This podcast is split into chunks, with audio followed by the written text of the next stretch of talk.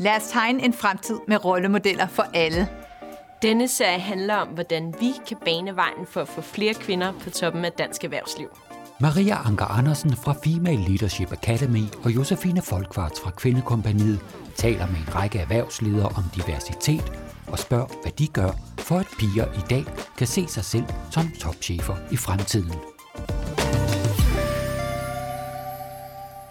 I dag er jeg, Josefine Folkvarts, taget en tur til Østerbro i København for at tale med Allan Polak, som er Group CEO i PFA Pension.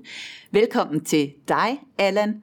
Du sidder på toppen af Danmarks største pensionsselskab. I investerer på vegne af mere end 1 million danskere, men I prøver også at gøre en forskel i samfundet, for eksempel ved at være med til at løfte FN's verdensmål.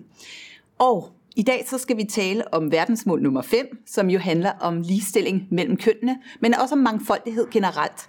Hvad gør I inden for det område? Ja, vi er optaget af, at man kan sige mangfoldighed, som betyder jo egentlig at få fat i de bedste ressourcer, og ikke lade sig begrænse på forhånd, som vi mennesker jo nogle gange kommer til, fordi vi, vi spejler os jo lidt i os selv. Og derfor har vi en tendens til at, at kigge med udgangspunkt i det nære en selv og dem, man har lige rundt om sig. Og det er klart, det er en voldsom begrænsning i virkeligheden. Så hvis man ligesom tager den, øh, altså den helt forretningskyniske hat på, så siger jamen lad os da få fat i nogle flere talenter, noget bredere, og lad være med at lade os begrænse de her blinde vinkler, man godt kan have, fordi man tager det, man kender. Man er i comfort zone, man tager ligesom det, man kender. Det er jo en vigtig ting. Det er jo ligesom, øh, altså som jeg siger, det er jo faktisk for vores egen skyld. Øh, det er jo ikke for en, en større samfundsdagsorden. Når vi kan gøre noget, der både er godt for PFA og PFA's kunder og for samfundsdagsordenen, så giver vi den ekstra skal. Og det er derfor, vi vælger nogle af de her verdensmål, så de er særlig vigtige for os. Og det er at få den diversitet ud. Og jeg kan godt lide at bruge ordet både inklusion og diversitet, fordi jeg tror, det er rigtig vigtigt, at vi forstår og integrerer de forskellige profiler i vores øh, organisationssetup og måden, vi arbejder internt på. Så det er et vigtigt emne for os. Yes, stort arbejde. Det er ikke så let. Det er det nemlig ikke, og derfor er der også udfordringer i de fleste virksomheder i Danmark, øh, især på toppen.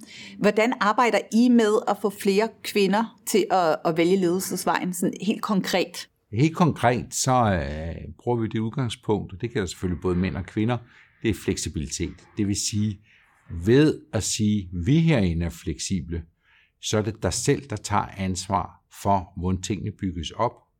Og vi forstår godt, at et øh, normalt voksenliv, det har øh, sine bumpy roads, og det vil sige, øh, du har måske perioder, hvor du kan yde 120 procent, og perioder, hvor den lige er nede under 100.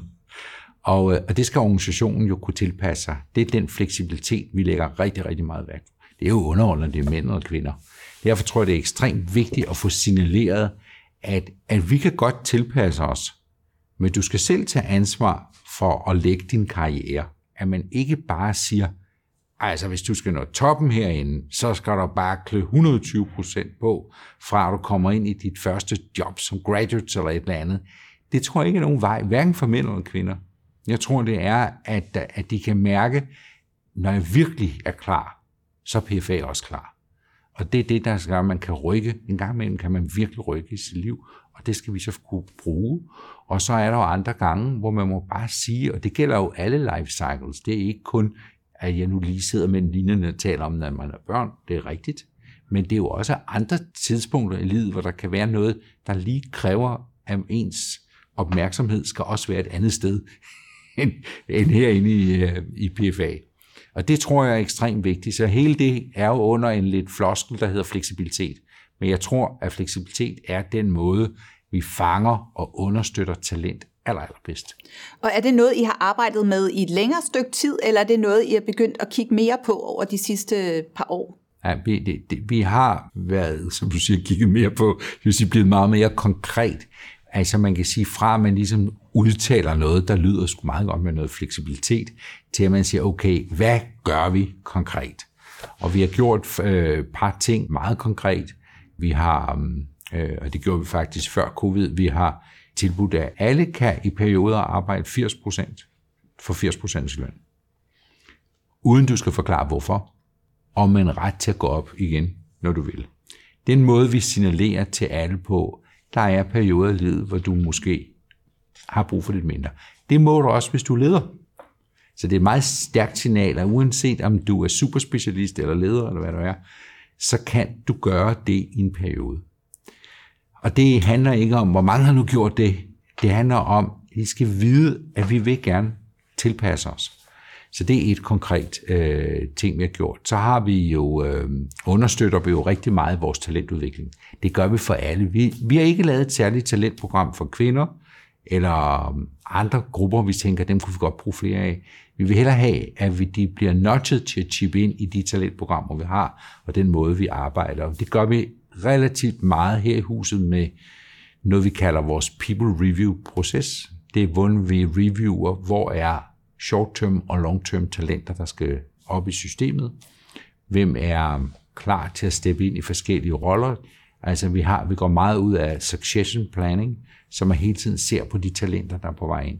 Det tror vi er en, er en stærk måde. Når der så er talenter, som måske, hvor vi siger, jamen altså det, nu har vi fire, der ligner hinanden, at det går simpelthen ikke. Øh, vi bliver nødt til at have noget andet ind. Det er klart, så må vi i den konkrete case være aktiv og sige, der skal vi simpelthen have noget ind, noget diversitet ind af nogle forskellige øh, muligheder, vi kigger på. Og der notcher vi jo så til at sige, okay, er det noget for mig? Så I prøver virkelig hele tiden at holde det der diversitetsoverblik, også i forhold til jeres talentprogrammer. Har I oplevet, at øh, talentprogrammerne gør en forskel allerede, og får I nok kvinder ind, og får I skabt den pipeline, I gerne vil have i forhold til at få flere ind i ledelseslagene? Ja, altså man kan sige, der er masser af talenter, som har nu gang af kvinder i vores organisation. Det er da den store udfordring hos os, og som øh, vi også kender andre steder i erhvervslivet, når vi kigger til andre, det er, at det tynder lidt ud, når vi kommer opad. Det tror jeg ændrer sig over de kommende år, fordi jeg kan se, at der er så meget talent i, lad os sige, give and take yngre 30, 30, 35, som er kvinder, og som vil være i den grad klar til at tage over. Så hvis nogen øh, tænker, okay, det her er et problem af sides, hvad jeg godt kan se i toppen af vores organisation, så tror jeg faktisk, det vil ændre sig ret markant over de kommende år. Fordi der er meget talentmasse, øh, som nu engang er kvinder. Det er også vigtigt at sige, at de der talentprogrammer, vi, jeg taler om, det er jo noget, vi kører individuelt. Så det er ikke et, her er PFA's talentprogram, og det vil sige, hvis du er ude af det, fordi du for eksempel lige er en periode, hvor jeg ikke lige overgår at melde mig ind i det der, så, så er du ikke et talent. Sådan, sådan arbejder vi meget bevidst ikke, så vi arbejder med det individuelle program. Hvad er rigtigt for dig?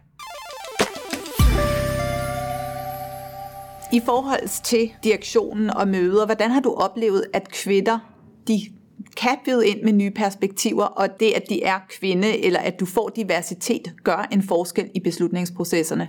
Ja, man siger det første, måske det allermest øh, oplagte, det er jo, at vi får en sammensætning, der ligner mere vores kunder. Vores kunder er jo cirka øh, 45 procent kvinder. Så det er jo meget mærkeligt, hvis ikke vi skulle kunne øh, afspejle det.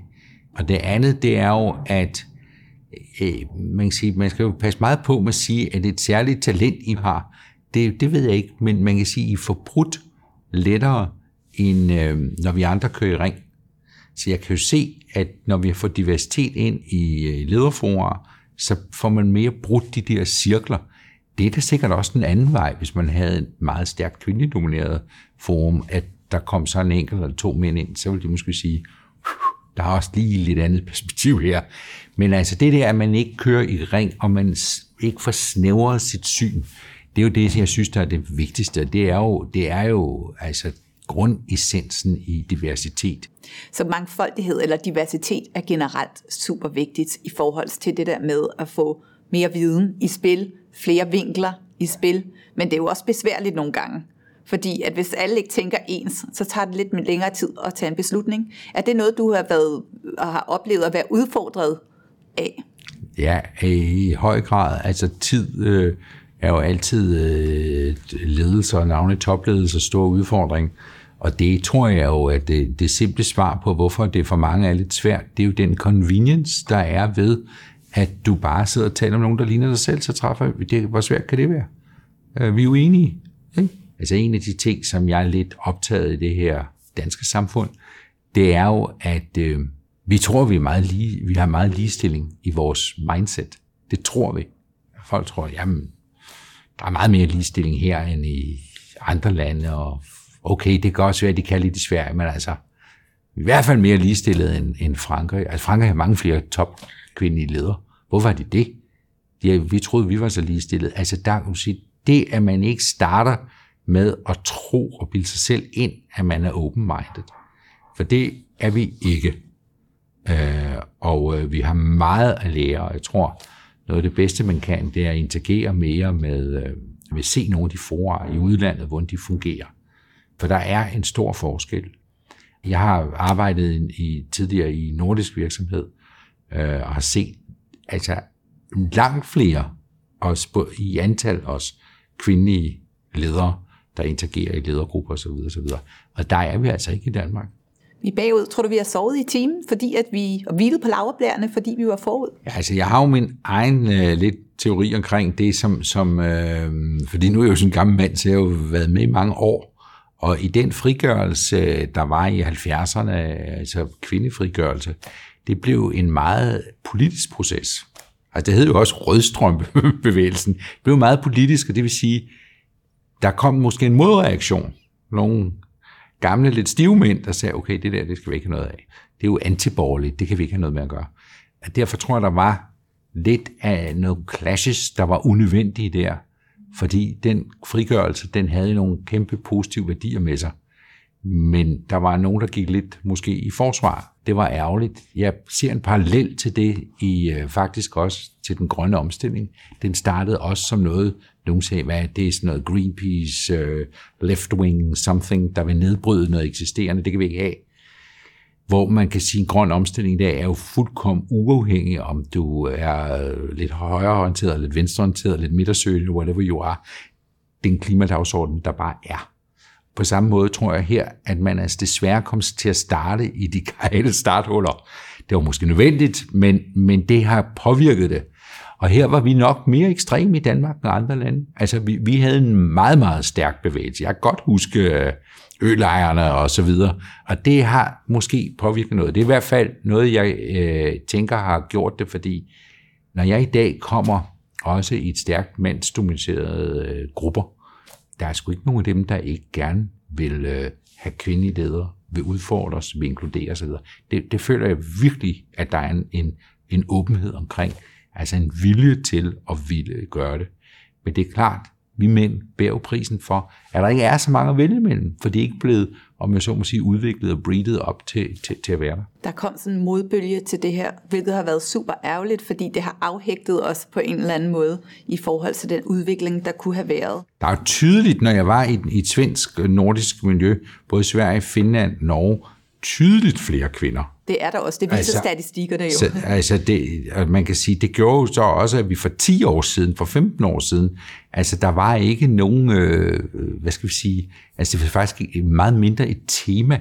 Nu er det blevet et meget dominerende tema herhjemme, og, øh, og det kan man sige, det er nødvendigt, men det er ekstremt vigtigt, at de kvinder, der bliver udnævnt i morgen og over morgen til vigtige poster, at de er det i kraft af sig selv, og den respekt, der er ved, yes, I did it, fordi jeg er kompetent og dygtig.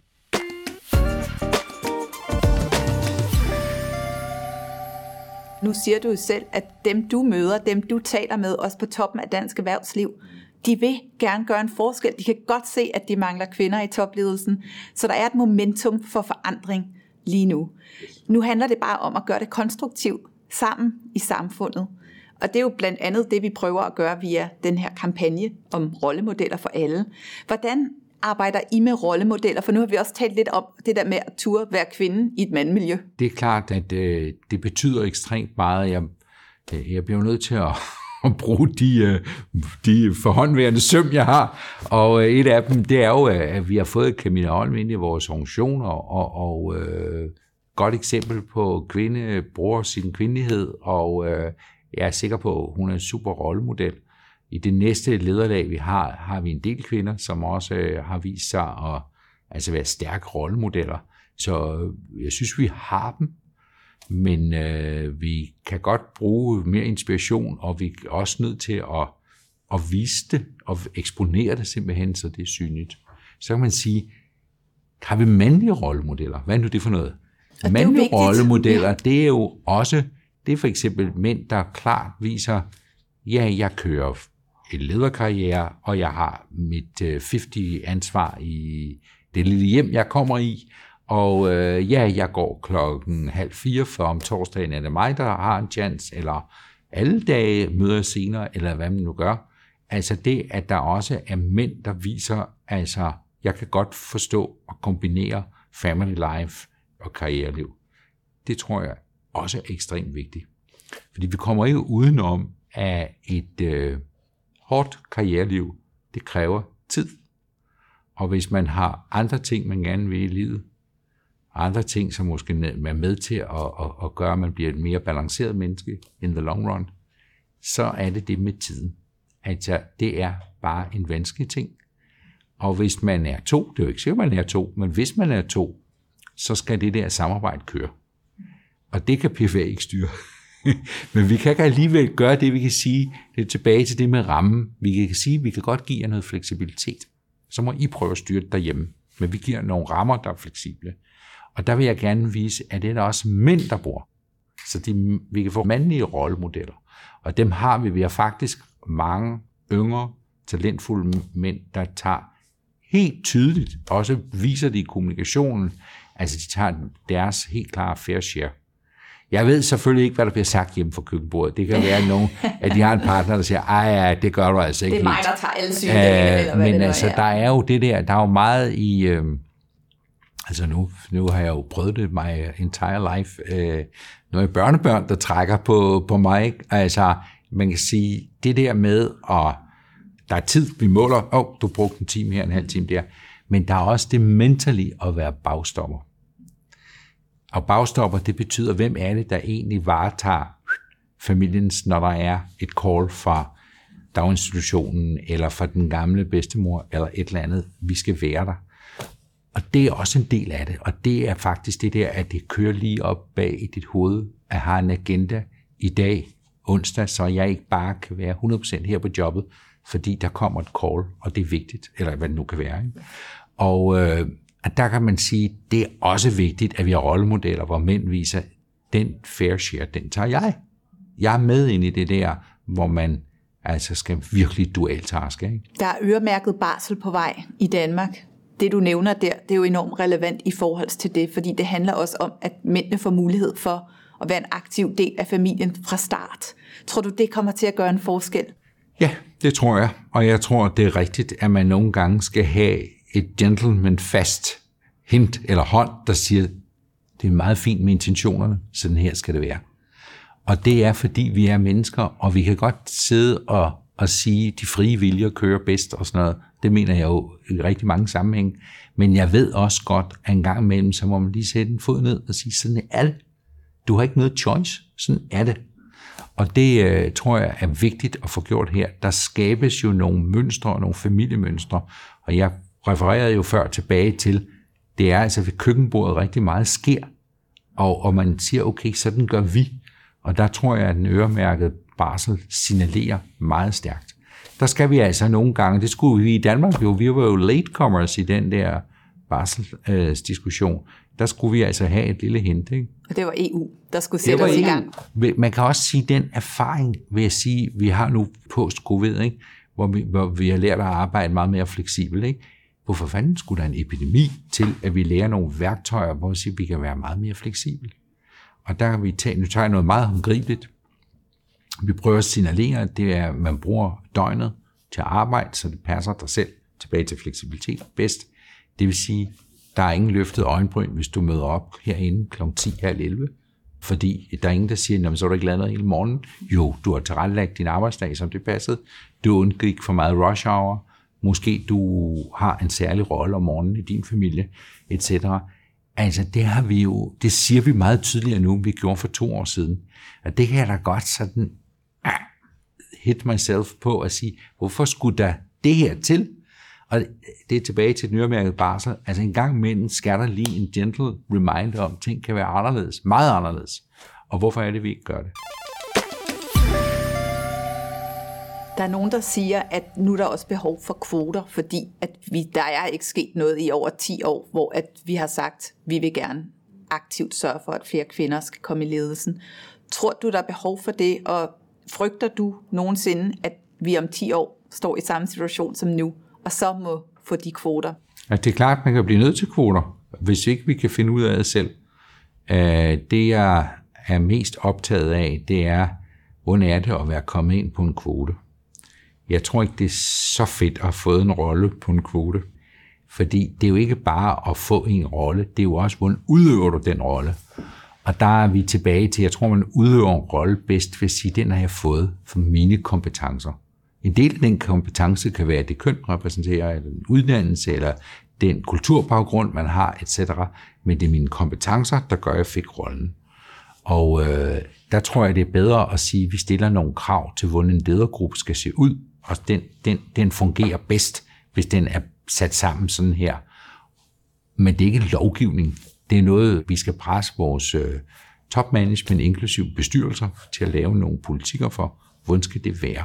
Når jeg er lidt mere optimist, så er det jo tilbage til, at så når jeg sidder i de der rene mandsdominerede øh, miljøer en gang imellem, som jeg desværre eller heldigvis kommer til, fordi det er heldigvis, det er jo dejligt at være med, men det er desværre det stadig er så mandsdomineret, så kan jeg bare se, altså der er ikke nogen øh, modhager på at vil.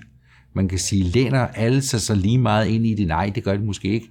Men det, men det er altså ikke, det er ikke sådan, at når vi lukker døren, så sidder man og taler sådan meget anderledes som emnerne. Det, det, det er ikke tilfældet.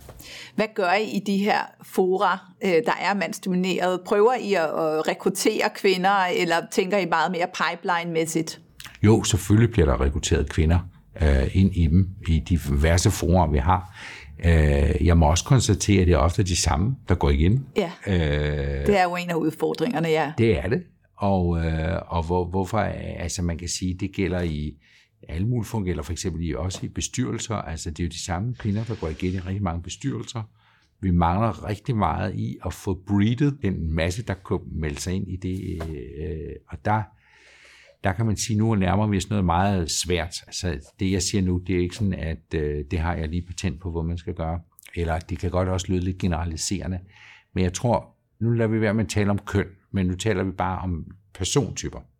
Der er nogen, der gerne vil inviteres, og der er nogen, der selv kommer og gatecrasher en fest. Banker på døren. Og det der med, at hvis du gerne vil inviteres, så udelukker du dig selv lidt for nogen, fordi hvis ikke du lige var der. så de kom ikke lige til at invitere dig. Og øh, jeg har jo her mellem linjerne indikeret, okay, det kan godt være, at der er lidt flere kvinder, der er vant til at gerne vil inviteres. Så noget af det, vi skal lære hinanden, det er, hvordan er det, man gatecrasher? Hvordan er det, man banker på, uden at altså, have ødelagt det, ødelagt det hele Ødelægge en god stemning. hvordan er det, man gør det? Og der må jeg bare sige, at networking, kvinder networker voldsomt med andre kvinder, men fandt mig ikke så meget med mænd.